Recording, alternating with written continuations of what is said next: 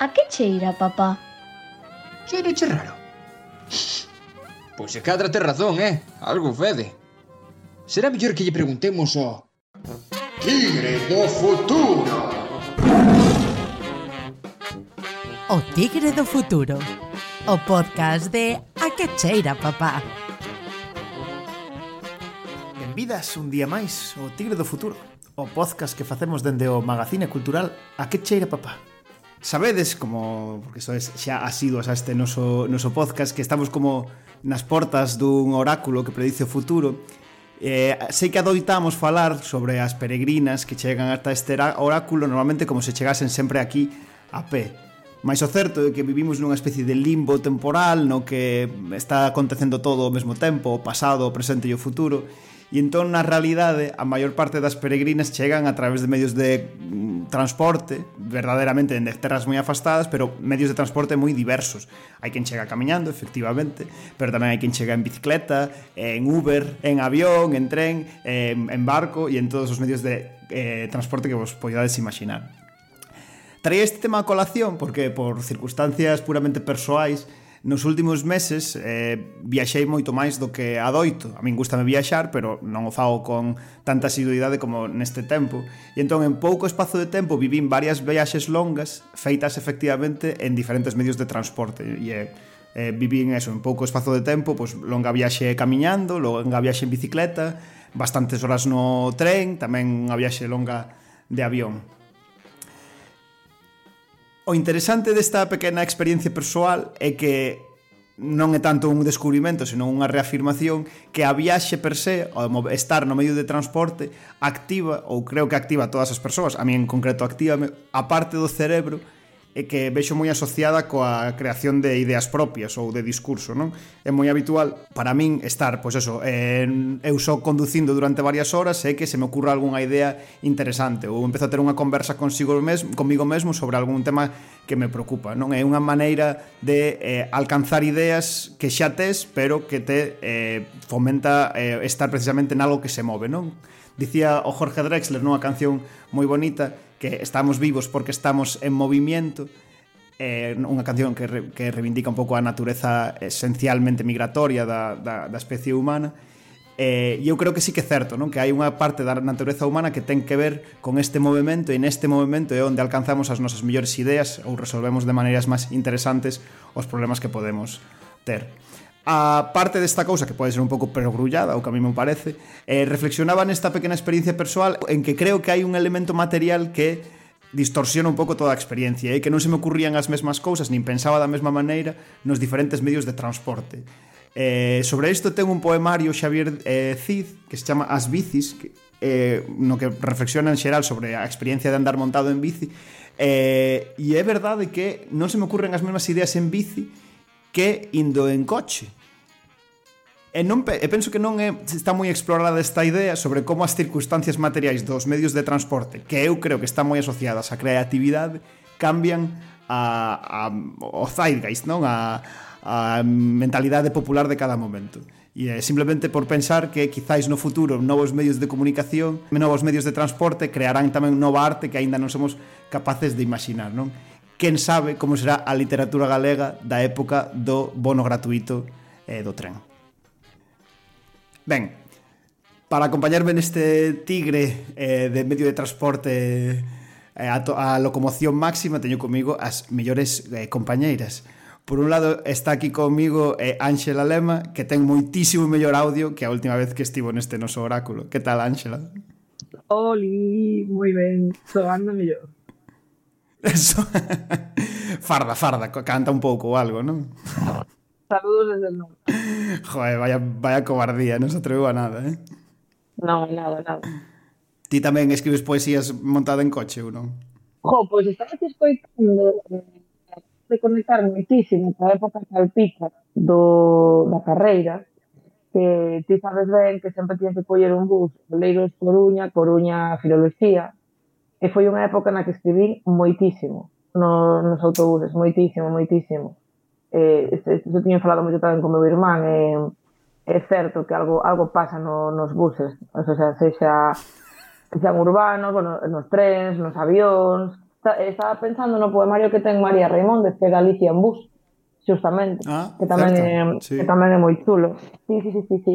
É certo pareceu como moi chulísima a reflexión que fixetes de se existirán novos tipos de, de arte ou como poderá afectar a literatura nas transformacións, as evolucións que vayamos vivindo nos medios de transporte. Eu agora móvome moito máis en coche, e en coche non son tan creativo, a verdade. Cachis, estate, estate truncando a red viaria galega, Ángela. Total, total. Todo isto culpa da... Sí, sí, totalmente. Claro, toda, toda a poesía cochista de Galicia. Anda por aquí outro prom promotor da cultura cochista como é o Rubén. Que tal, Rubén? Aloha, Ohana. a ver, ti tes o teu último conto precisamente sobre a cultura cochista, eh? que non, non te escapas. Sí, sí. Eh, debe ser o conto que escribí que máis xente lío. Pero... Pero aí está. Eh, xusto se me ocorreu, sí, sí. pois, conducindo. Ves? que A altura de ah, eh, Guitiriz, pode ser, na 6.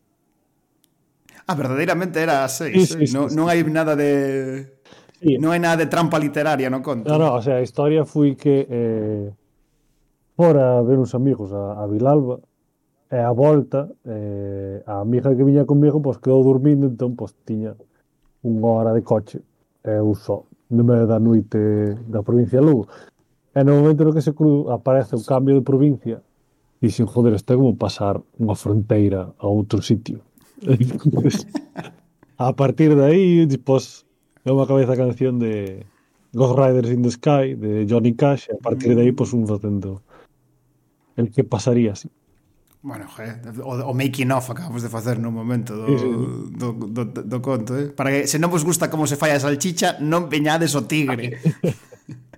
e por último, tamén anda por aquí escondido eh, o Philip Webb, que non sei cal é o seu medio de transporte favorito, a ver se nos, a ver se nos ilumina. Eh, o meu transporte favorito é o avión, eh, eu só escribo nos avións. Entón, é bastante caro escribir. Eh, se quero escribir algo para que cheira papá, mínimo 600 euros.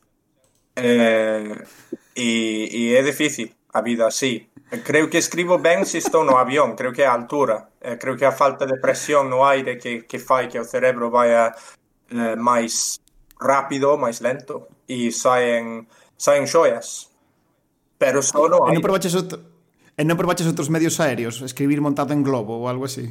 Eh, non, sí, sí, pero perdín o, polo vento, perdín todos os folios. Eh, Ai, a e, e nun helicóptero pois nunca eh, aínda non foi o eh, Callejas a, o pueblo de Silvia así que nunca montei a helicóptero O helicóptero parece que se presta máis ao ensaio por iso darlle voltas helicóptero. por iso darlle voltas as cousas Hombre, gustame, gustame do globo porque me imagino eh, a novela perdida de Philip que ten pues, un señor en Turquía, sabes, que lle caeron un montón de folios en riba ou algo así. Pois é posible, se, se hai algún galego por Turquía, pois que, que ande un pouco pola zona de, de Izmir, eh, a ver se, se atope algún folio aí escrito en galego. o folio escrito en galego, probablemente. Sí, pero, bueno, dun ou dous, se, se os atopa, pois que, mo, que mos mande, por favor. Que mos mande, eh, que non se lucre, vale. Que, que non, se lucre. Eh, non poderei completar o relato mentre non suba noutro globo, evidentemente, pero... Claro, o Globo de Betanzos ao final é unha crónica escrita sobre un medio de transporte. Como, como? O sea, o Globo de Betanzos, todo pola volta, sí. ten dibuixada a crónica do ano. Entón, técnicamente ah. é unha, un texto escrito sobre un medio de transporte. Joder, chaval. O, o meta, eh, comentario. Se, se, se nos escapa, non podemos parar de crear. Un saludo para Betanzos.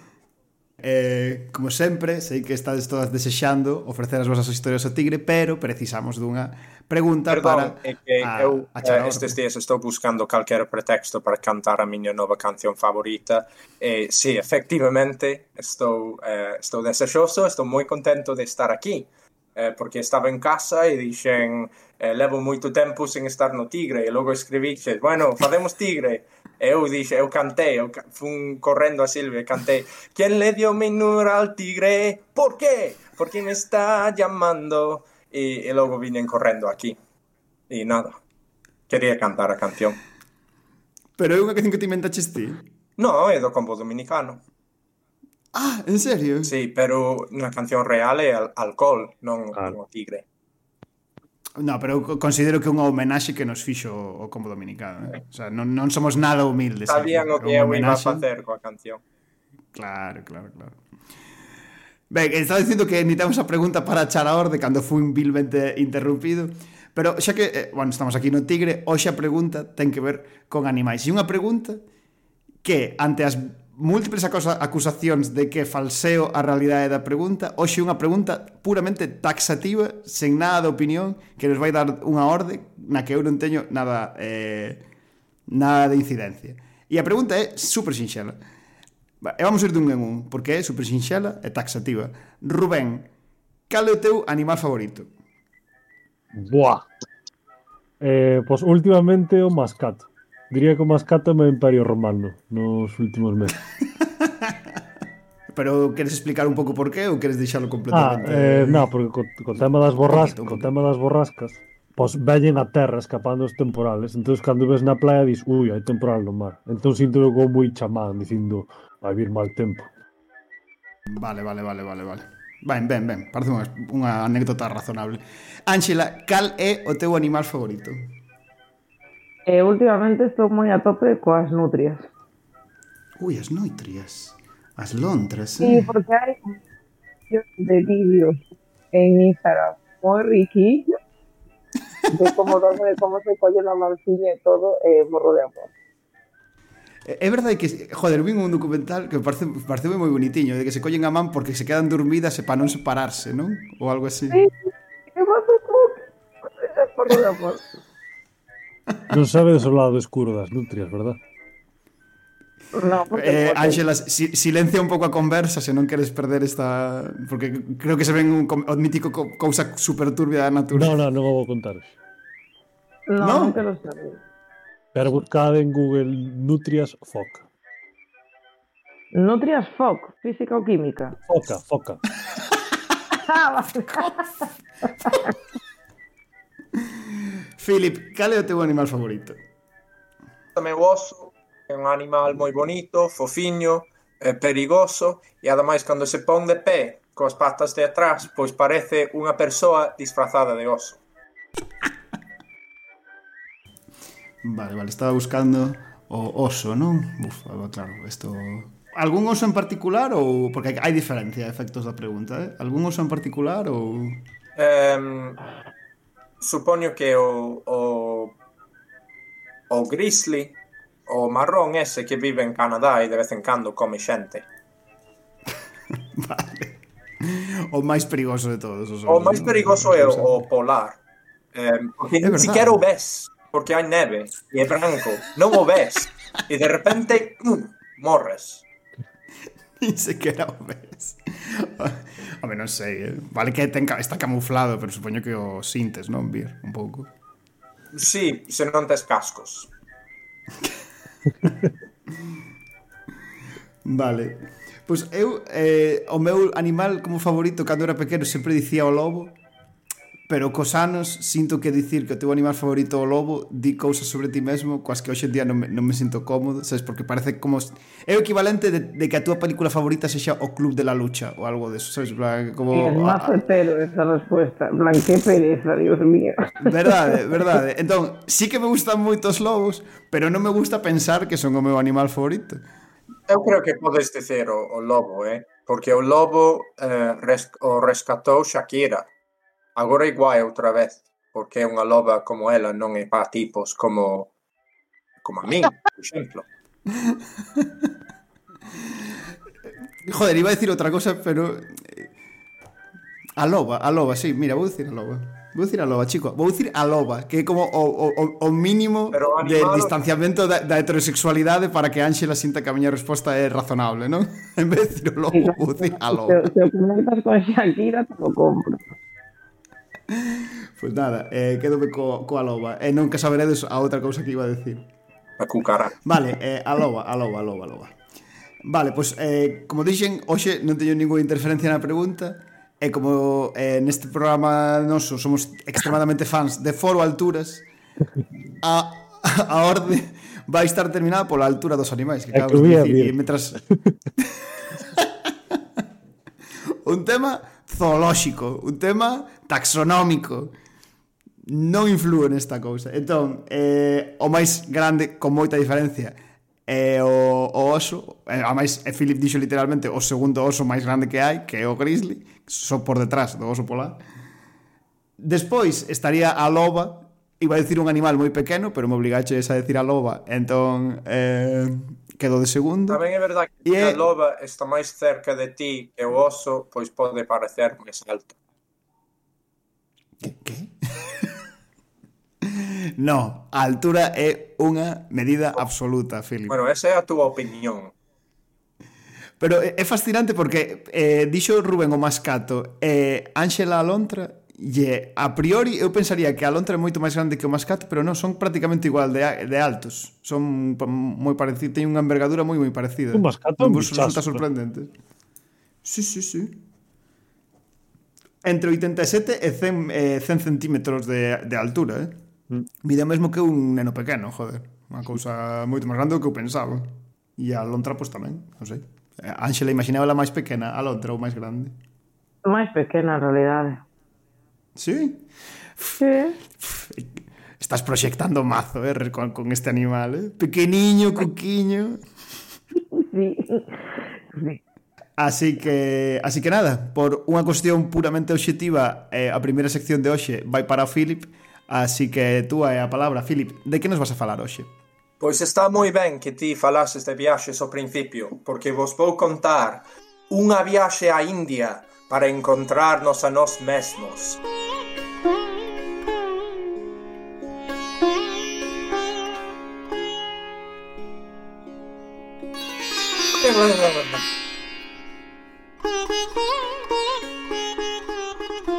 son é o, un, como un fragmento de música moi xenérica con, con sitar eh, para que saibamos que a miña sección sobre unha viaxe a India para encontrarnos a nos mesmos é moi eh, exótica, é misteriosa e orientalista. Um, e vou empezar uh, parafraseando un poeta que escoitei recitar non lembro o seu nome, pero recitou nun festival cristián no hipódromo de Cheltenham no 2011, así que sabedes que isto realmente pasou. Recitou... Ah. Bueno, mira, mira, mira. Si podedes facer eso de vez en cando ao longo da... Sí, sí, no te preocupes. Gracias. Desde edición aseguro que vamos a meter citar en un montón de sitios nesta sección. Pois, eh, este poeta compuxera un, un poema sobre unha viaxe que fixo á India e empezou a explicar o, o porqué o, o compuxo, dicindo que el, de estudante, pois viaxou a India para encontrarse a si mesmo.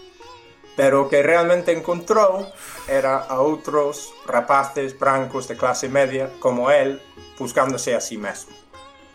E eu Eu personalmente nunca viaxei a India para encontrarme a mí mesmo, polo cal entendo que eu, si eu ando pola India en algún lado, e terei que ir buscarme en algún momento. Pero ainda non me busquei. Eh, pero os europeos levamos eh, moito tempo viaxando a India para encontrarnos a nós mesmos. Em, e vou falar sobre un, un pioneiro, bueno, non, non digo un pioneiro, pero un escritor temper, temperán eh, que escreveu sobre unha viaxe na India para encontrarse a si mesmo eh, na década de 1860. Eh, trátase dun libro que conta unha viaxe dende Calcuta á cidade de Simla, que eh, era a capital de verán de veraneo do Imperio Británico en, en na India, na, na Himalaya. Simla, como, di, como dis que se chama a cidade? Simla. Simla. Simla. Ah, que guai. Eh, é un, é un libro que se, se titula From Calcutta to the Snowy Range, de Calcuta a Cordilleira um, Nevada, eh, dun enxeñeiro inglés que viveu moitos anos na, na India, que se chamaba Frederick Wyman. Que Ese é o título. Federico, home, por qué? Ou Federico Porco Home. Eh, e eu opto por Porco Home, porque, como veremos máis adiante, Porco Home era un mar. E este libro é un, un exemplo dun, un, xénero de relatos de viaxes que eh, creceu moito nesta, nesta época, dende finais do século XVIII eh, foi o momento do auxe dos grandes imperios europeos e tamén do auxe dunha clase media con diñeiro, con tempo de ocio no contexto da revolución industrial que podía permitirse viaxar e ademais interesarse por eh, estes países que constituían as, as colonias eh, dos, dos seus propios países. E, efectivamente, este tipo de relatos de viaxes pois servían para producir imaxes de como era o resto do planeta para un lector eh, europeo. Efectivamente, Porco Home, na, na introducción do seu libro, di Todo o mundo xa está tan familiarizado cos particulares dunha viaxe dende Londres a calquera sitio que debería ser improbable que alguén me faga moito caso. Pero eu, de algún xeito, afasto a competencia comezando a miña viaxe onde moitos autores se despiden, a unha distancia de varios miles de quilómetros da casa en Calcuta.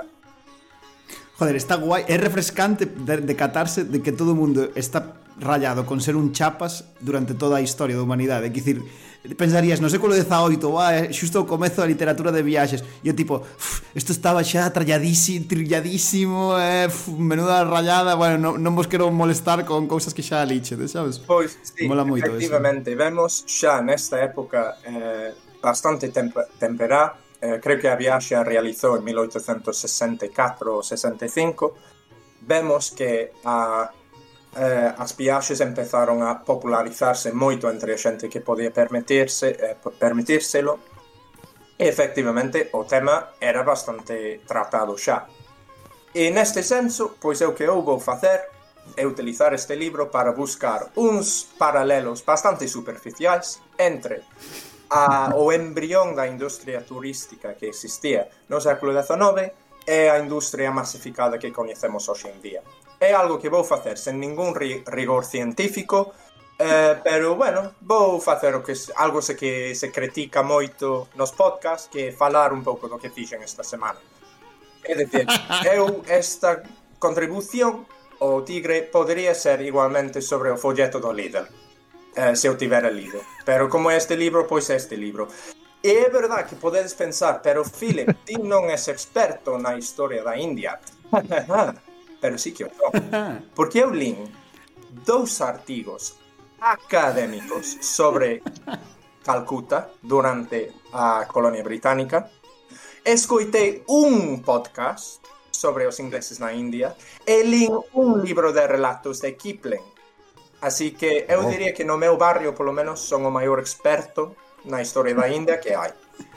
Tua... Ademais, non eres indio, técnicamente. A túa boa non era técnicamente, india. Técnicamente, a miña tatarabuela era india po local. Cando eu digo que podo viaxar a India para encontrarse a min mesmo, literalmente eu creo que hai versións de min con pelo marrón por aí e teño que encontralos para logo falar por WhatsApp unha vez cada dous anos despois hai, hai, hai, un, hai un señor na India facendo unha tese doutoral sobre a emigración galega eh, dende a India ata, ata o barco Valdeorra, sabes? Moi posiblemente. Está ben, está ben. Sí, sí, sí. Eh, o tema da masificación é un dos grandes males do turismo actual. Eh, pero vemos que este problema eh, empezou a ser queixa común no século XIX um, cando está na cidade de Agra, onde, por certo, eh, naceu a miña tatarabuela, así que teria que empezar a miña busca de min mesmo ali. Um, pois, por o home Weiman visita o Taj Mahal, eh, que segue sendo o atracción turista, a máxima atracción turística que hai na India. E daquela era posible eh, hospedarse nunha das porterías do recinto do Taj Mahal, eh, e Wyman, quen se maravilla ante este monumento, como fan moitas persoas hoxe en día, di que hospedarse ali dá a oportunidade de estudar a fondo as belezas inescotables do, do lugar. Pero a continuación di que é moi cuestionable até que punto a profanación do recinto para prazer barullento e festas de picnic sexa justificable. Este lugar segue sendo o fogar dos defuntos e debería, creo eu, ser obxecto dun maior grau de respecto que o que semellamos dispostos a concederlle. É difícil imaginar cales poden ser os sentimentos que a nosa actitude cara ao monumento debe suscitar no seu do musulmán devoto. A ver, eso é un choque cultural, porque eu teño feito botellón en cementerios e non pasa nada. Pero non eres un musulmán devoto. Eres, claro. un, eres un bebedeiro devoto. Eu que levo uns meses vivindo en Compostela é fascinante eh, os sitios é tan extremadamente raros onde a xente fai picnics aquí, eh. O sea, hai un montón de eh, en particular os portugueses, non sei por qué, gustelles moito facer picnics cando veñen a Santiago de, de turismo e fan picnics en sitios rarísimos, en plan na parte de arriba de Bonaval, en plan que non é un parque nin nada, sabes? Xa, xa non é moi claro porque estas non sei, en rotondas, sabes, non sei, cosas así raras. No, que un amigo outro día contábame que un día, mm, de Farral, de Fes, pero o coche, foron ata un dos cemiterios que hai por aquí e, e foron a cantar cantos o cemiterio en plan botellón. E, e eu estaba escutando eso e, e cagábame encima porque, o sea, moitísimo respeto con todo isto. Sí, sí, sí, cagábame moitísimo. Joder, daría che, daría che medo. Sí, sí, sí, moitísimo son cagadas Eh, Ah, pues a dep pouco depende do broma. cemiterio. No, no, no, no, no, hai que respetar esas cousas. A dar moitísimo medo. Non hai que remexer no máis alá. Pero non vas a remexer, simplemente estás ali tomándote un copazo. No, por favor. que Estás celebrando a vida cos mortos. Poder darse algo de que falar aos mortos tamén. Claro, hai que pensar, joder, en- se non vai ninguén é aburridísimo. Ao día seguinte comentan entre eles, joder, vai la rada levado de... Se xa, vos sodes a típica persoa de sempre que paso por hospital este bello que hai ao final do Pombal en Compostela como que nos preguntamos por cantos cartos pasaríamos aí a noite. Eh, en serio, preguntaste iso? Sí. Pero creo que non pasaría que non nada. me atrevería nin de broma. Os portugueses tomando un picnic, terías compañía. moitísimo medo, moitísimo. Vale. Entón, Ángela non faría un picnic no Taj Mahal, pero por medo, porque no fondo é unha tumba. Bueno, que ten que facer un picnic no Taj Mahal podendo facelo con todos os peregrinos en Compostela no Obradoiro. Por favor. Eco, eco. O divertido que é. bueno, que técnicamente tamén é unha tumba. Ah, boom! Pois eu, eu penso, entón, que um, Angela faría como fixo Wyman, que non é, que non hospedarse no Taj Mahal, Uh, Wyman, cansado de tanto turisteo, volveu ao seu hotel para descansar. E uh, fixo outra cousa que podemos recoñecer hoxe en día como turistas, que é comprar agasallos. E refírome a produtos que se fan para turistas, que non se producirían, ou polo menos non se producirían na mesma cantidade se non existise a industria do turismo. Como, por exemplo, eh, ocorreu co, coa artesanía do, do acibeche en Santiago dende a Idade Media ou como hoxendía podes entrar nunha tenda de agasallos en Santiago e comprar unha figura en plástico dunha bailarina de flamenco feita en China. Eh, que no... Eh, Está feita pa xente de conxo esa bailarina, eh? No, non sei por que te refires a que te refires. Um, Así que entra eh, no, no, hotel de Wyman un grupo de comerciantes eh, locais para vender eh, agasallos feitos en xabón de eh, pedra de xabón ou, ou mármore eh, que, que encantan o Wyman. Hai cestas, hai floreiros, bandexas, unha cousa que nos resulta familiar hoxe en día, pequenas estatuas do Taj Mahal e outros monumentos.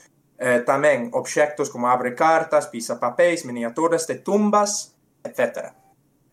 Um, e agora chegamos a un dos meus detalles uh, predilectos neste libro. Um, e resulta que Wyman era masón.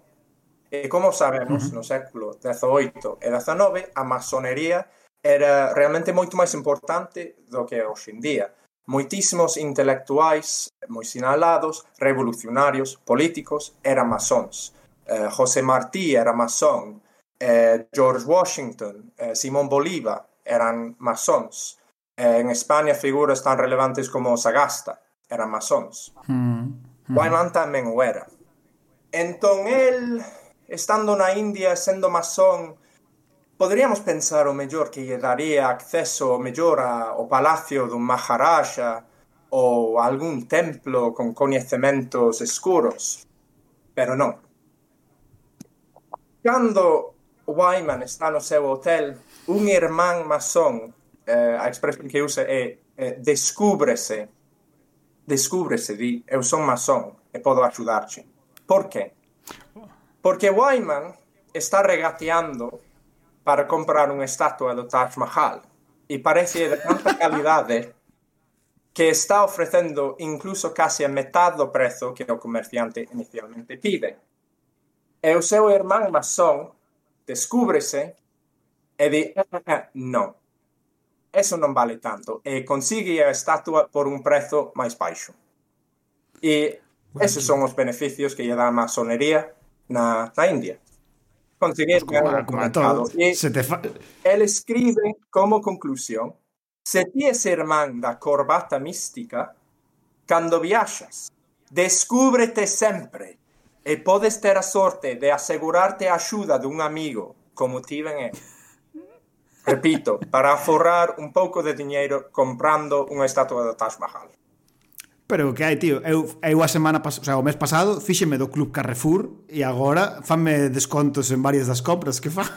Pues, se viaxas da no, India e queres comprar uns agasallos, se ves outro que ten pintas de español, descúbrete. Di, é o Club Carrefour, eh?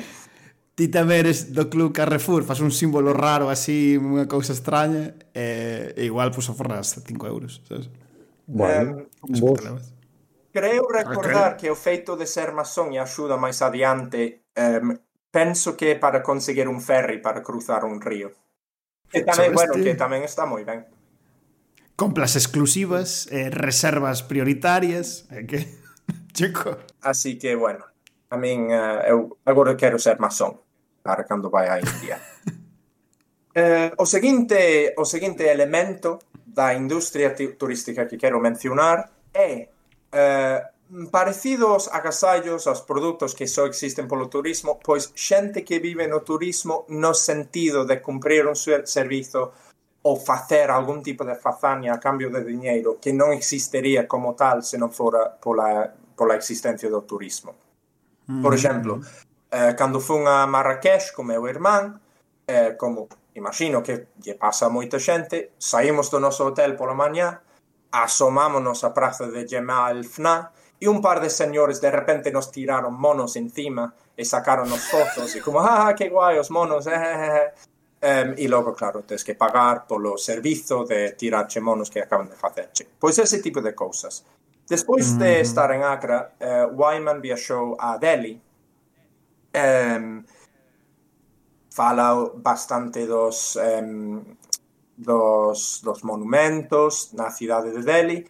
Creo que tamén fai máis compras no Chowdhury Chuk, que, que sería a calle real de Delhi, que para xente que non vi, so, pouco afortunados que non viven na Coruña, a calle real eh, como príncipe de, de A Coruña. Eh, El vinche príncipe rápido calle eh. real de Vigo. um, e se non vives na Coruña ou Vigo, pois non sei, jódete. eh, um, Ángela síntese atacada agora mesmo. Eh, bueno, cerca de Delhi hai un minarete que se chama Minarete de Kutab, que é do século XII e mide 70 metros. É moi guai. Segue existindo, No seu momento, creo que era o minarete máis alto do mundo, o segundo minarete máis alto do mundo, e ao lado hai uns pozos. E cando Wyman chega ali cun grupo de turistas eh, europeos, pois hai un grupo de rapaces que se lanzan a auga, fan unhas piruetas e logo piden diñeiro. E que estes rapaces deben adestrarse moito para lanzarse a auga tamén, pero parece que non fan outra cousa e viven folgadamente grazas aos xenerosos agasallos que reciben a cambio. Ah, iso pasa en Porto, non vos pasa que sempre hai un rapaciño tirándose da, da, da ponte, dali de, ah, de Porto, no, no río. Sí, sempre hai 50.000 millóns de, de guiris mirando para os rapaciños que se tiran desde a ponte ao río. Riquísimo. Sí, eu vi nos... Hostia. Sí, sí, sí. Pois mira, será algo. Pero se non pasa a jorra para cobrar, non? Eu diría que sí, eu diría que sí que bien, eh? Ostra. A mí pasoume algo parecido en, en Burdeos este verán, pero non saltaban de, ao río, senón que facían como... De repente aparecía un grupo de brasileiros que falaban francés eh, claramente sendo brasileiros e empezaban a facer piruetas loquísimas no medio dunha praza e eh, marchaban correndo o sea, pasaban a gorra case correndo para a seguinte plaza unha cousa como moi extrema, moi animada molou un montón, a verdade pero entendo, entendo que están, sabes, que é un pouco este equivalente de só están para ti, non, non é nada que aconteza se ti non estás ali expresamente. Exactamente. Tamén dades moi bons exemplos actuais eh, do que eu estaba dicindo. No, no, no. Gracias, profe. Obrigado. Un Eh, sí, sí, eh, va, va, hai que facer costume de que Filip acabe as seccións eh, puntuando os demais, en plan. Bueno, aspecto do, do turismo tanto actual como o existente naquela época é o feito de que nos lugares turísticos os prezos suben de, fe, de xeito desmesurado. Um, falando especificamente de Simla, o capital, eh, a capital de ver, veraneo dos ingleses na India, pois Eh, Wyman queixase dos prezos. E aquí temos outro detalle que me encanta porque di que para que o inglés poida entender os prezos, eh, pois que lle vai dar uns exemplos. E logo dá uns exemplos e moeda india que un inglés en Inglaterra non teria como entender. Di tenreira, dous ou tres rupís o lombo, carneiro, doce anas o cuarto, ovos, catro pice por ovo se contratas a un home para levarchos a casa. Claro, todo carísimo, supoño, segundo é. Que é carísimo, carísimo. Canto, Inaceptable, vamos. E cantos pice, e cal vale máis? Home, moeda gorda debe ser a rupia, eh? Ata aí chego. Porque rupis, das tres cousas a cara, claro. Os que xogamos a Zelda... Vamos falar da invasión... Hoxe Simla tamén estará invadido por, por madrileños, non? Por madrileños que van a, a, a joder todo, todo o cotarro, como está pasando aquí, non?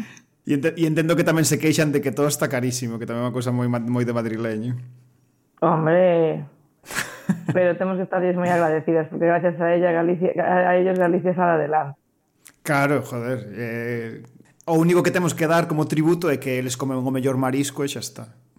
Claro, o como me parece. Uh, creo que de feito hai unha palabra en, en, uh, en hindi uh, que usan para os madrileños que fode chinch mahal Porra, porra o chiste, porra o. Durissimo, eh, durissimo. É, é a túa solución para todo, hoxe, eh? joder. Eu, sí. En Simla pasaba tamén o que pasa en... Como non contratamos o Shania Twain hoxe, pois, pica. En Simla pasa tamén, nós temos un amigo, eh, Guillermo Maiseu, que estaba super cabreado porque cando comezaba, bueno, estou falando de anos atrás, agora Compostela é insoportable todo o ano, pero eh, tiña comprobado como reducían a cantidade de pinchos gratis que poñían nos bares de Compostela ou como directamente os eliminaban cando subía o pico de turismo en Compostela. En serio? Sí. Oh! Sí, sí, sí. sí. Ostra, eh? me, me acaba de dar un poquito de depresión só esta idea, a verdade. Um, eh? Pois agora vou, vou ir terminando, uh, vou falar doutra cousa que segue presente hoxe en día, que vai ser o aspecto deste libro que, bueno, Guillermo probablemente leva tempo esperando, porque é o primeiro aspecto do libro que, que comentei cando che, che dixen eh, que estaba lendo este libro. Um, Evidentemente, un libro escrito por un inglés na India no século XIX vai conlevar certas actitudes colonialistas. Evidentemente, hoxe en día, por exemplo, nos blogs de viaxes, segue mm, plasmándose a actitude colonialista en moitas diferentes formas. Por exemplo, xente que viaxa a, non sei, a Camboya ou Tailandia e tratan estes lugares como se foron lugares místicos e a xente tiver algún tipo de bondade ou, ou misticismo in, inherente, ese tipo de cousas, pero mm, por así decirlo, que, sí, que pasa que a xente que ve a Galicia adrede, que tampouco Home. tampouco que sexa mellor por ese motivo, pero bueno, hoxe en día digamos que non non é intencionado o imperialismo. non o sei, eh? Santo André de Teixido eh, deben ser todos meigos un pouco, creo, creo eu. A meu tiraríamos é rollo que... muchísimo. um, é que... Digamos que en xeral, hoxe en día, se alguén amosa actitudes colonialistas, eh, non normalmente non é adrede. Pero bueno, bueno. no século XIX sí. Non estou nada de acordo con esta afirmación. No, es, es, é, é, que, é que eu creo que temos aquí un problema de escala non estamos de acordo coa afirmación de Philip, pero dame a sensación de que Philip agora mesmo vai dicir, vai citar unha barbaridade tal que vamos a estar de acordo, sabes? É como, ah, efectivamente, a xente non é absolutamente no, no, nazi. É interesante falar deso. Eu referme ao, ao digamos, o estudante viaxa a Tailandia, fai o, e, escribe o seu blog para os seus amigos e tal, Uh -huh. E amosa actitudes colonialistas. Se dis a esa persoa, bueno, o mellor, se dis a persoa, mira, esta é unha actitude colonialista, o mellor ti di, ah, vale, sí, pero eu creo que non o escribe dicindo, ah, se eu son europeo, eu son superior e tal. Nese sentido, digo que non é adrede. Hoxe en día, a gran maioría, polo menos aquí, a gran maioría das persoas racistas non se consideran racistas. Pensan que non o son. E, e non mm. digo que sexan mellores que os de hai 150 anos que che dirían abertamente si sí, son racista e penso que son superior a tal raza o que sexa, non digo que sexan mellores por ese motivo. Cando digo que non é adrede, reférome a eso. Se non estás de acordo, vale, interesaríame saber por qué. Pero eu sí que vexo unha diferenza... Sí, non, unha cousa sí, máis no, subliminal. Sí, di, di, di, non entender, que non entenderá nese sentido, que sí que aí podo estar, podo estar de acordo. Pero, ah, buf, tamén creo que é por as esferas nas que nós nos movemos, eh? De verdade que eu creo que hai hai certos círculos e certa fauna que a que nós non nos relacionamos mm. e sobre a que non sabemos que, buf, que sí que abertamente se declaran como tal, eh? Claro, pero incluso dentro de eso tamén hai cambio, porque probablemente este señor intelectual viaxado, non sei que, se o trasladamos cara ao noso presente, igual non sería a persoa máis racista da habitación, sabes? Pero bueno. Aí é un pouco fantasía, ciencia bueno, ficción tamén, xa, tamén o admito. Pero, bueno, sí. eu, non, Ángela, eu acepto a crítica. Eu, eu dixen algo como, digamos, algo mo, afirmación moi xeral e, vale, sí, creo que ten razón, que é algo que se pode matizar moito e, e sí. Um, así que... Um, pero, Eso de Perdón, sí, estou de acordo pero tamén é verdade o que di Guillermo que o mellor por, porque estou comparando con, con Porco Home agora eh, vos vou dicer porque é un marrao um, porque estou comparando Porco Home o mellor como vin o de hoxe non como benévolo como non tan grave porque a verdad o libro de Porco Home é un libro moi desconhecido eh, eu atopei no en circunstancias desconcertantes no repitorio repertorio digital do Arquivo Nacional eh, da India.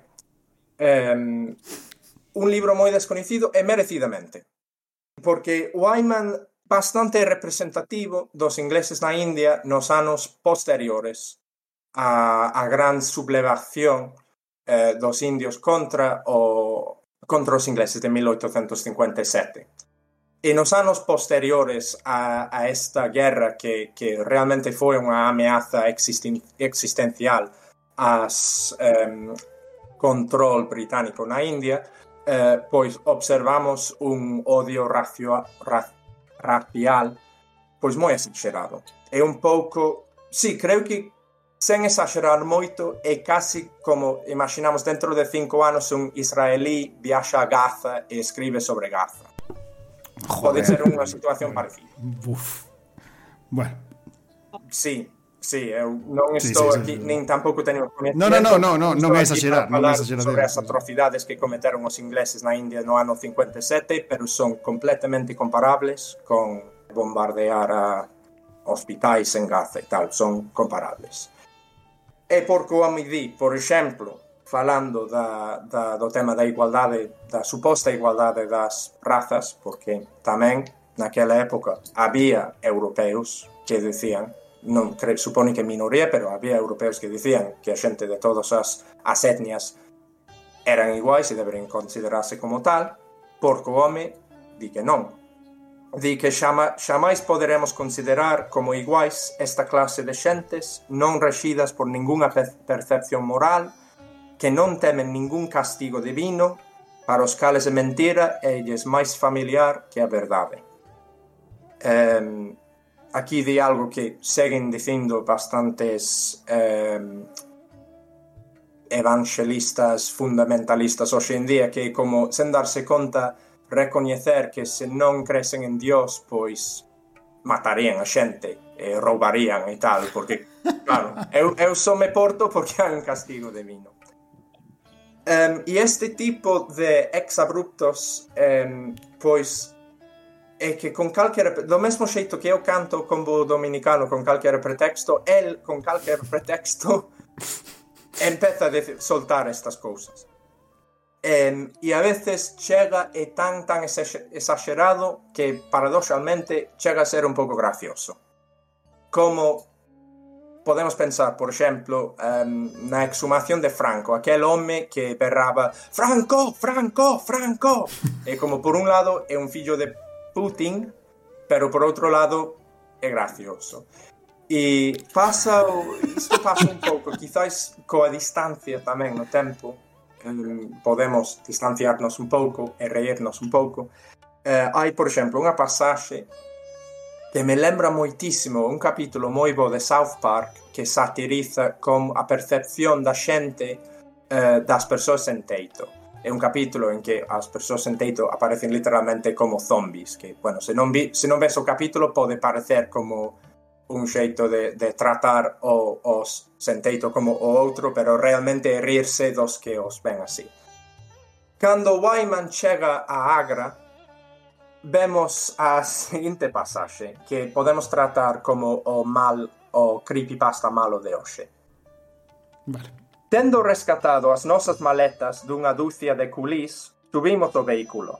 Esmola, esmola, berra unha horda de duendes pequenos, espidos e cheos de polvo. Alá Islam empeza unha pobre arpía corcovada, empurrando unha palma engurrado dentro do carro pero detrás dela albiscas unha compañía de vagabundos, coxos, cegos e eivados. Listos tamén para sitiar o carro. Intentas, pero hai, sen logralo, xuntar os dous paneis da porta corredoira. Os cales, deformados pola intemperie, non pechan. Observando a túa indefensión, a multitude de mendicantes acelera o paso. Arranca! Arranca! dice o conductor. Sí, señor, contesta. Pero por que non arranca? Por que grito franco? É rocinante quen se nega a moverse, até que, coa axuda dun par de nenos vulgares, incluso dos que axudan, ten que insultalo, un par de nenos vulgares, o carro comeza a avanzar e podes escapar. Así que cando digo que hoxe en día o libro non é moi coñecido, pois merecidamente eu até me sinto mal por repetir estas palabras, pero bueno, mm, tamén é o creepypasta malo para hoxe. E para concluir, Porco Home di que a maioria da xente xa, ma, xa disporá do tempo nin dos cartos para facer a viaxe que fixo el.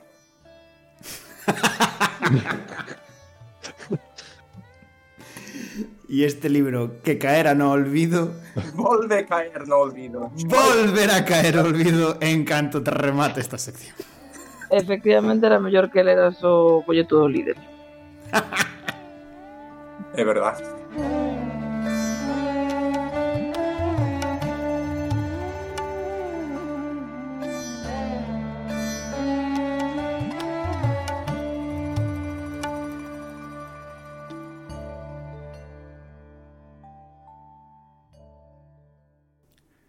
Pois moi ben, despois desta eh, sección de arqueoloxía literaria de Philip que nos fai cuestionarnos se deberíamos eh, desenterrar todas as cousas que están por desenterrar, eh, pasamos xa á segunda sección e última do, do programa de hoxe, Eh, que saibades que Ángela eh, desapareceu deste noso tigre probablemente marchou en barco a escribir novos poemas eh, marchou un pouco de tapadillo para facerse interesante, non por nada. Eh, pero en, en non é porque vos odie, eh? ten, ten asuntos moi importantes que resolver alá polo norte. Eh, mais nada, o seguinte animal máis grande que se mencionou foi o mascato, así que hoxe pecha o programa o Rubén. Rubén, de que nos vas a falar hoxe? Pois, o primeiro estábamos cos sitares e agora cambiamos de corda. Vamos aos ukeleles. Que sabe desde a historia de Hawái? Joder, eh, vai ser o programa das rafaguitas, vale, vale, pareceme ben, eh? Pareceme ben.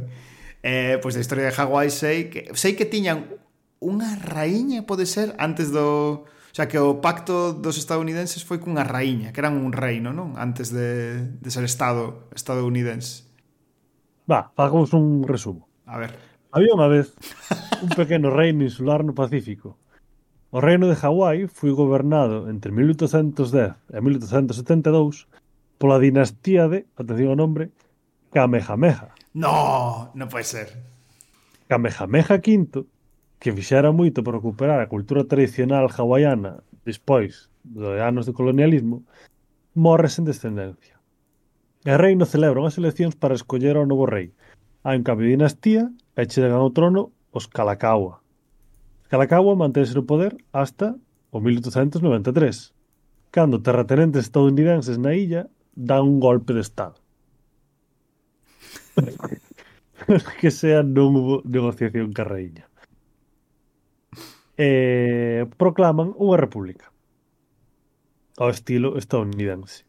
E no 1898, aínda non como Estado, Hawái perde a independencia e pasa a formar parte da Unión. O Reino Feliz de Hawái, agora Estado libre asociado, non pasaba por un bom momento na autoestima nacional, Entón aparece o seu heroe, a superestrela.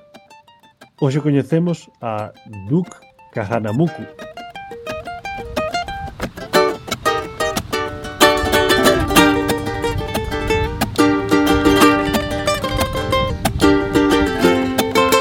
Duke Kahanamuku nace en Honolulu no 1890, oito anos antes da perda de independencia. E é o maior de nove irmáns. A súa Ohana Os Kahanamuku, pertencían á baixa nobreza do antigo reino de Hawái. Eran descendentes de Alapa Inui. Que vaya nombres Está poste a, a ti mesmo difícil os temas, eh, cada vez. Vou, vou coller unha cousa complicada sí, sí, de pronunciar. Sí, o sucesor eh, espiritual ou a sección de Darío sobre aquela expedición eh, rusa que desapareceu. que tiña que obrigouse a si sí mesmo a dicir nome 20 nomes en ruso un por un é artista. O caso, eran descendentes de Alapai Nui, que era un rei de antes da dinastía dos Kamehameha, antes da unión das illas de Hawái nun único reino. Antes de Son Goku. Exacto.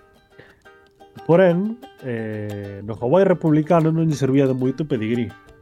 E o pai de Duke traballaba de policía. O propio protagonista desta historia deixou de ir á escola para colaborar coa economía dunha familia grandísima. Os seus oito irmáns había que sumar 30 curmáns maternos. Joder. Parecen de Ourense, me cago en dar. Casi. Ourense del mar. Xa, eh? O seu tempo libre, como o resto de hawaianos, eh, pasaba na praia e, sobre todo, no mar. A Duke gustaballe moito nadar. O 11 de agosto de 1911, apuntouse a un concurso estilo libre no porto de Honolulu. E gañou, pero gañou por moitísimo. Batiu o récord mundial das 100 yardas por 4 segundos, Carai. que é unha animalada. Joder. 4 segundos é case media piscina, así que polos... Se nadas a velocidade de, de Duke, seguro.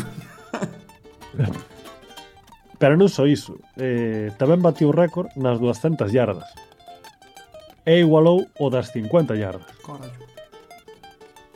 É unha proeza tan grande que a, a AAU, que é unha xencia do deporte amateur de Estados Unidos, non lle quixo recoñecer o récord. Que iso tiña que estar mal, que debera medir o tempo co reloxo roto, que era imposible dicían que eh, o mediran con reloxos despertadores que non lle que non, que non lle va recoñecer o récord. Exacto. Pero certo é que Duke desenvolvera unha técnica patada moi poderosa que incluso despois copioulla eh, Michael Phelps. Hmm. E aí estaba a clave do seu éxito. De feito, un ano despois, eh, o récord man imposible presentábase as probas para equipo olímpico de natación e con tres meses de entrenamento entrou sobradísimo. Bueno, minto. Tuve un problema inesperado. E o problema inesperado foi a auga doce. Oh, non se adaptou ben. Duke Hanamuku estaba eh, habituado a nadar no mar. E ao entrar á piscina, o cambio de densidade mm. notou no tanto que din compañeiras de equipo olímpico que dispós da primeira prova de natación casi afoga do cansancio. En serio? Do cambio de de densidades da auga. A ver, sí, sí que se comenta, bueno, non, non sei se é certo ou non, pero teño a sensación de ter escuitado por aí que é como lixeiramente máis fácil nadar en auga salgada porque como que os augas, o sal, o sea, ten unha densidade que te fai estar máis a frote ou algo así. Igual... A, a ver, é a miña experiencia de, de rollo de nadar a facer distancia nadando. Mm. En agua salada fun con neopreno. Xa, entón non sabría dicir, claro. pero sí que sí que te notas como máis lixeiro. Sí, sí, sí. Eu creo que hai un, o sea, que hai unha razón científica para iso, vaya, que non é un só sensación. E bueno, eu supoño que é unha cuestión de flotabilidade. Claro, eh, exacto. eh, ao flotar máis eh, tes menos corpo fundido, menos resistencia. Exacto. Sí, supoño que foi o que pasou tamén.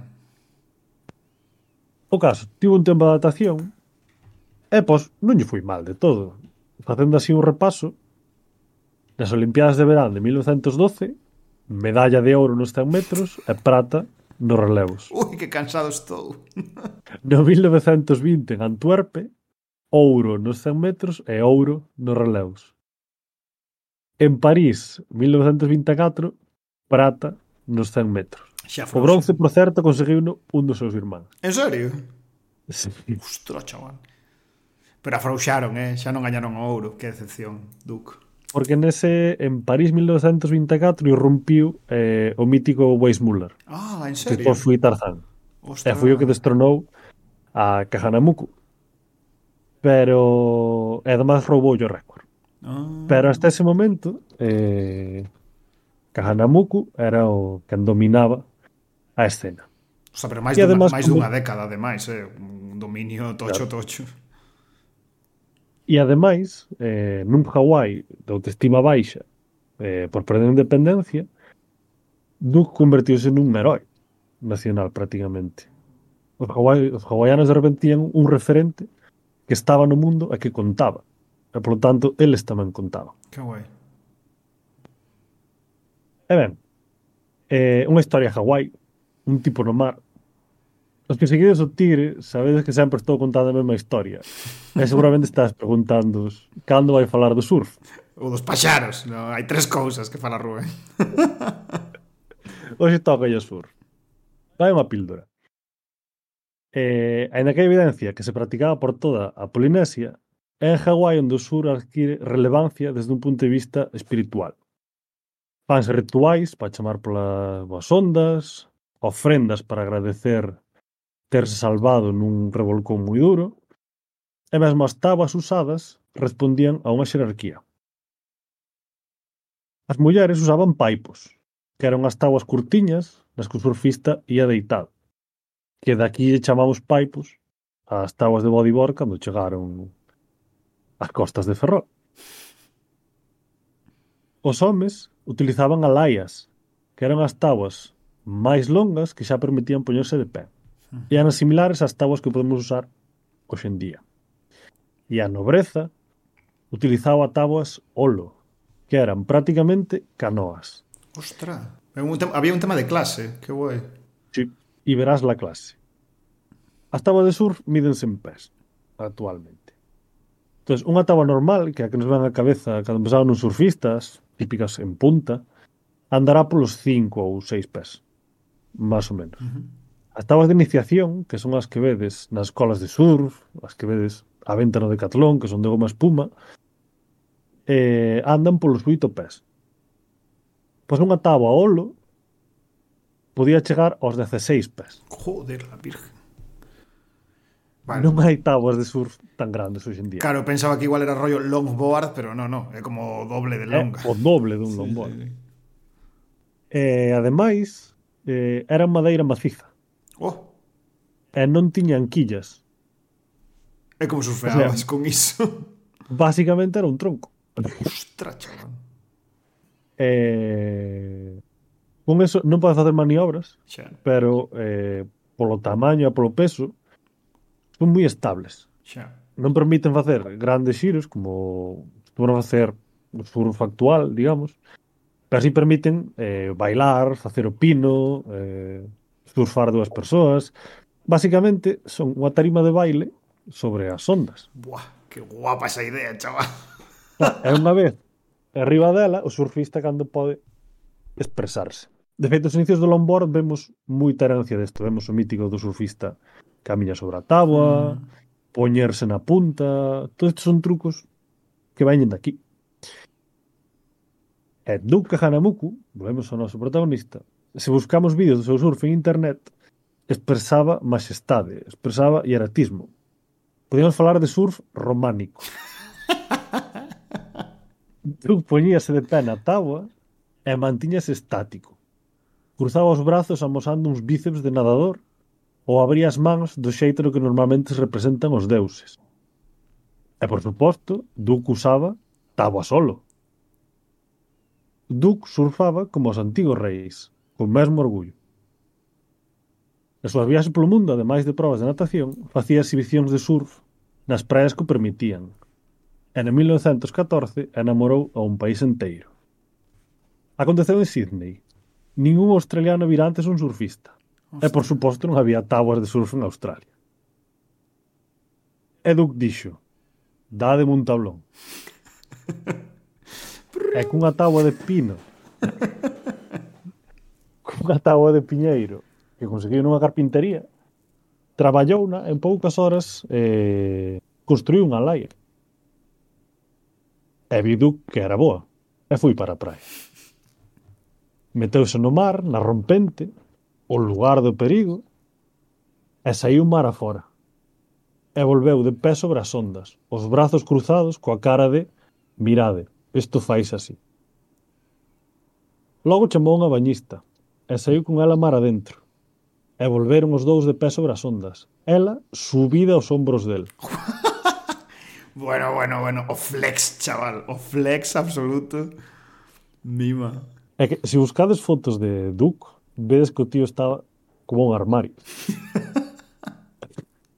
Ten incluso demasiada musculatura para ser nadador.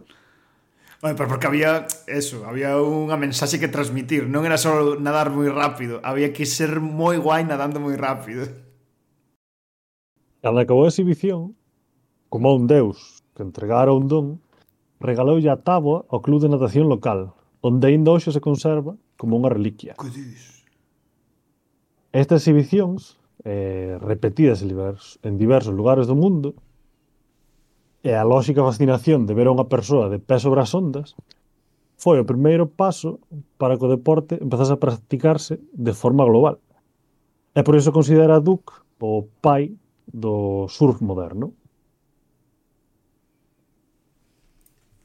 Nesta altura, Duke era un herói incontestable para Hawái. A popularidade...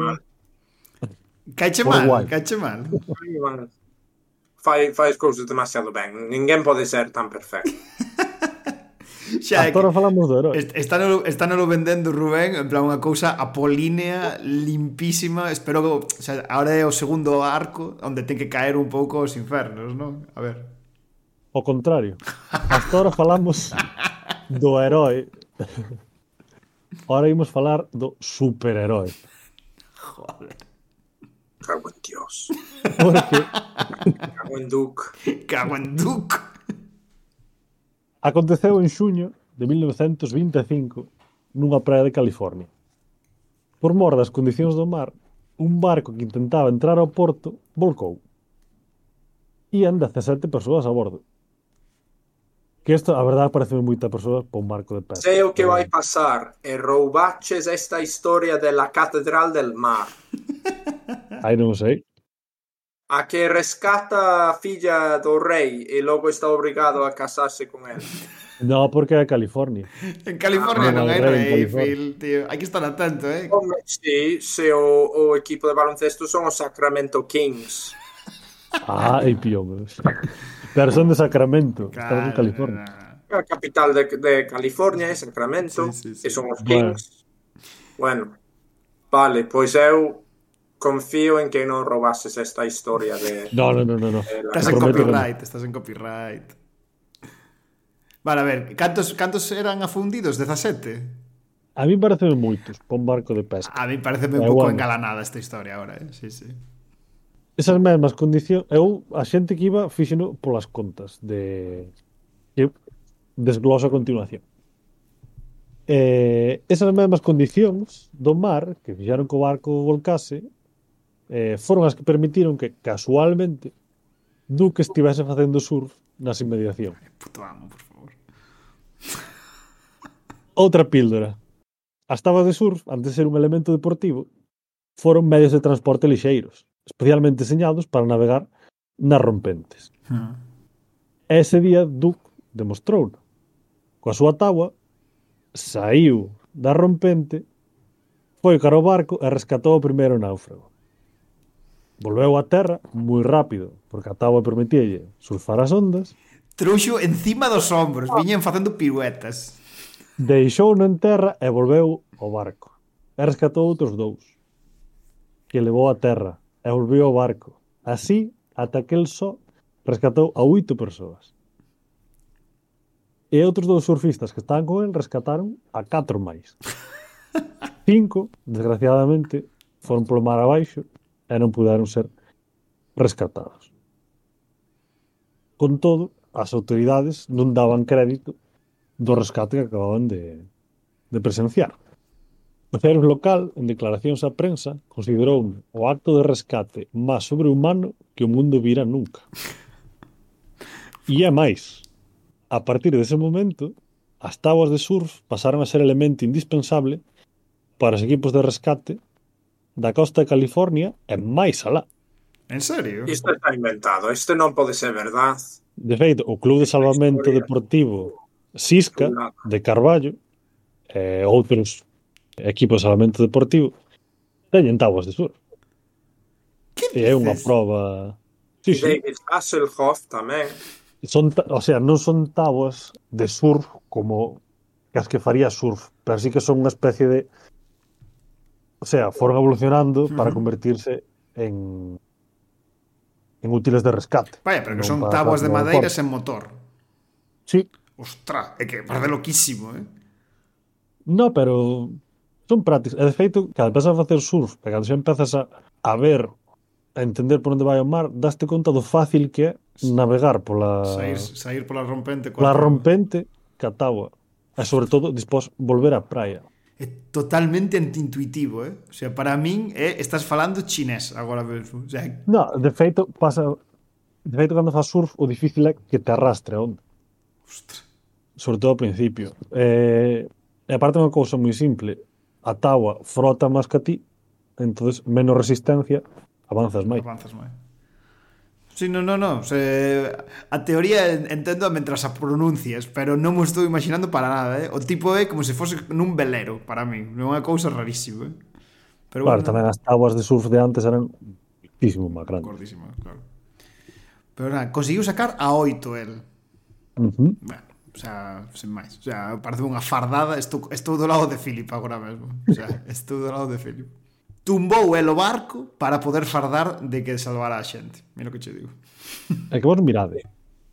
Duque Hanamuku entrou no hall da fama da natación. Entrou no hall da fama do surf. Fui sheriff de Honolulu. Vou te cagar. non podo máis. Non podo máis porque ao convertirse nunha persoa respetada pola comunidade, pois fui escollido xerif. Agora vas dizer que tocando o quelele pois inspirou as primeiras cancións dos Beatles. No, agora iba a decir que fui masón. Oh! Pero eso polos descontos en tabas de surf, xente. que é un deporte eh, carísimo. E, eh, ademais, eh, fui actor de Hollywood. Bueno, non, é normal. Bueno, de feito, entre, entre actor de Hollywood e xerif de Honolulu sempre me quedo con xerif de Honolulu que queres que che diga Además aquí ven un pouco a nota, digamos, racista, marca da época. Bueno, evidentemente, eh, Duke facía papéis de surfista nas pelis de Ya está en la playa, que é un xénero sí. foi un popular de Facebook Sur. Sí, sí, sí. Pero, como era un tipo racializado, e como estaba como animal, pois tamén o poñían a facer papeles de indio, de... o sea, sempre que facía falta unha persoa racializada que non fose negra, xa. pois metíano a él de de actor. Sí, como se fose branco, negro e outros. E, en outros valía calquera cousa para calquera cousa, sí. Exactamente. O, o lembro que nos anos creo que nos anos 50 ou así, había un xogador eh, de fútbol paraguaio que tivo bastante éxito en España eh, e ademais aparece en bastantes películas así tipo Clint Eastwood ou, jo ou John Wayne eh, como, como indio. Joder. Sí, sí, sí. Claro, por ter ser pois claro. moreno de pel, pois Variante. a la. Sí, sí. sí. Claro, bueno, o caso abro debate. A ver. No, debate que me cae fatal. Como de mal nos cae Duke? non hai Claro. que darlle. Medallista olímpico, Ujú. pioneiro do surf, sheriff, É que sheriff, tío. O puto Ranger de Texas, tío. masón, petado, actor de Hollywood. Petado. Petado como logro, sabes? Ten un sello coa súa cara. Podes ser máis guai que Duke Hanamuku. Dame a sensación de que eh, fixo algo máis que ainda nos contaches. Eso xa tedes que investigalo vos. Ai, que cabrito, que cabrito, eh? Dixe sempre, eh, o Rubén non da puntada. Sei que no, sendo sheriff, sei que tuvo aí un problema legal, pero debo deciros que saiu victorioso. O sea, por aí tampouco. Tío. Saiu victorioso e chegou o xulgado montado nunha tábua cos brazos cruzados. é que non me jodas. No, no, en serio. Eh, como deberes do tigre, poño buscar fotos de Duca Hanamuku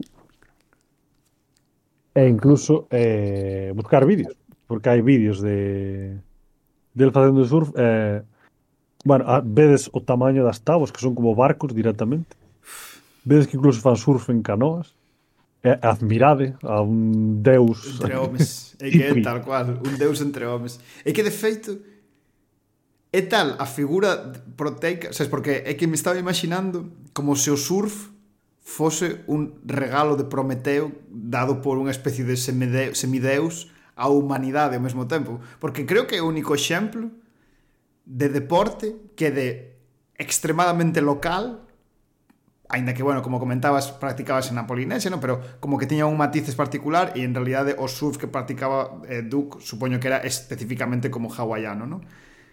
Mm. Mm-hmm.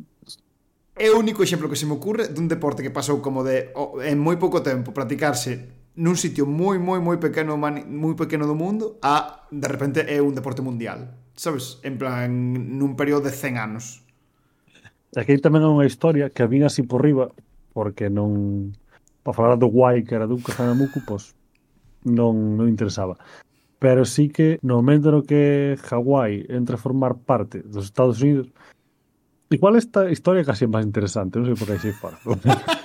no momento no que Hawái entra a formar parte dos Estados Unidos, hai como unha especie de intento de eh, sustitución racial. No sentido de que ah. eh, entre os propios nativos hawaianos e traballadores de orixe chinesa que mandaban palí, uh -huh. pois había eh, moita diversidade. E entón, o, desde Estados Unidos, hai un personaxe en concreto, pois busco o nome e poñémolo no, no Twitter, que teña a contraseña. un personaxe en concreto que quería fomentar que Hawái pois, fose unha illa máis branca. E entón empezou a promocionar o surf en California como unha maneira de fomentar o turismo Hostia. de xente branca de California a Hawái e que posa sentaran ali. Ostra, chaval.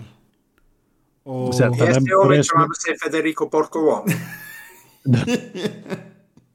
é maquiavélico que flipas iso, eh? Ostra. Sí, claro, é crear é levar turistas como como unha forza de ocupación, sí, sí, prácticamente. Sí, sí, sí é fomentar unha xentrificación, digamos. Ostra. Eh, paradoxalmente, para o que serviu foi para potenciar unha imaxe nacional sí. de Hawái e hoxendía sigue sendo o estado máis racialmente diverso Home, dos, claro. dos Estados Unidos. Que guai. A outra cousa que tiña apuntada eh, era sobre o tema dos récords eh, Vi unha película, non recordo como se titulaba, pero bueno, basicamente é unha película sobre os récords que batiu eh, Jesse Owens. Coñeces a Jesse Owens, o, o atleta este negro que eh, batiu un montón de récords durante toda a súa carreira, pero en particular tivo como un o seu momento álxido da súa carreira foron as Olimpíadas de Berlín durante o, o nazismo. Eh, vi unha película na que pasaba, na que lle pasaba algo parecido que nas rachas ao principio de que lle negaban os récords por ser porque consideraban que medía mal ou que era especialmente gravoso porque era como non era un entorno amateur, senón que literalmente estaban como nunhas probas de atletismo de varias de diferentes probas, bateu o récord dos 100 metros grabado eh, e dixeron que estaba mal medido. E, e o adestrador de Jesse Owens collouse un cabreo gordísimo, empezou que no, que no, que estaba enmedido, no, que, joder, que por que lle roubades esos récords? E Jesse Owens tranquilísimo, tranquilísimo, pero bueno, cale a seguinte de prova, no, salto de longitude, e eh, bateu o récord no salto de longitude. que co... Ah, que fai, isto é uns paquetes. Me da igual, gañemos o que queirades, as chapas tamén vos gano eh, imagino o Duke eh, tendo exactamente a mesma reacción, que como, ah, pues non me recoñecen, bueno, tranquilo, eh, onde queres que vaya nada? Poboas Olimpiadas. Po, po boas Olimpiadas elixa modas. Non te agobies, non estou preocupado. Non nadei especialmente ben ese día, sabes? Claro. É que además, eh, imagínalo en plan, vou batir o récord, pero só un pouquiño, para o que ven rompelo un pouquiño máis, e eh, ganando patrocinadores. Bueno, eso... Fanas, O, dis que o Usain Bolt fixo un pouco iso, eh? En varios sí, momentos claro. da carreira que, claro. que se deixaba ir ao final para non batilo demais E poder batilo máis veces o récord É que creo que... máis uh, récords, segueme en Patreon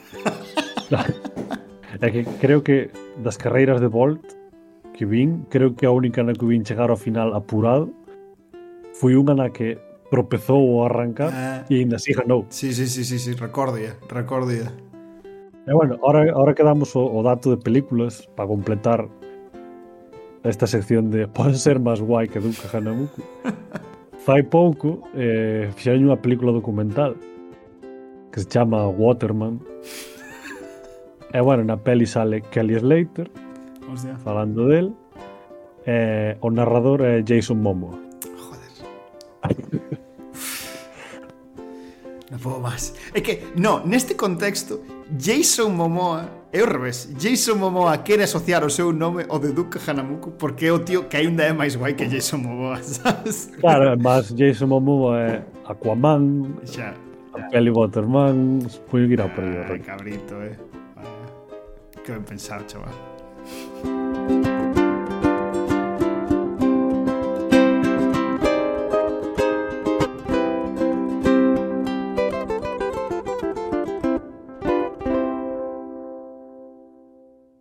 Pois moi ben, soa xa o Tigre Tigre de Homens e iso significa que chega ao seu fin un novo episodio do Tigre do Futuro.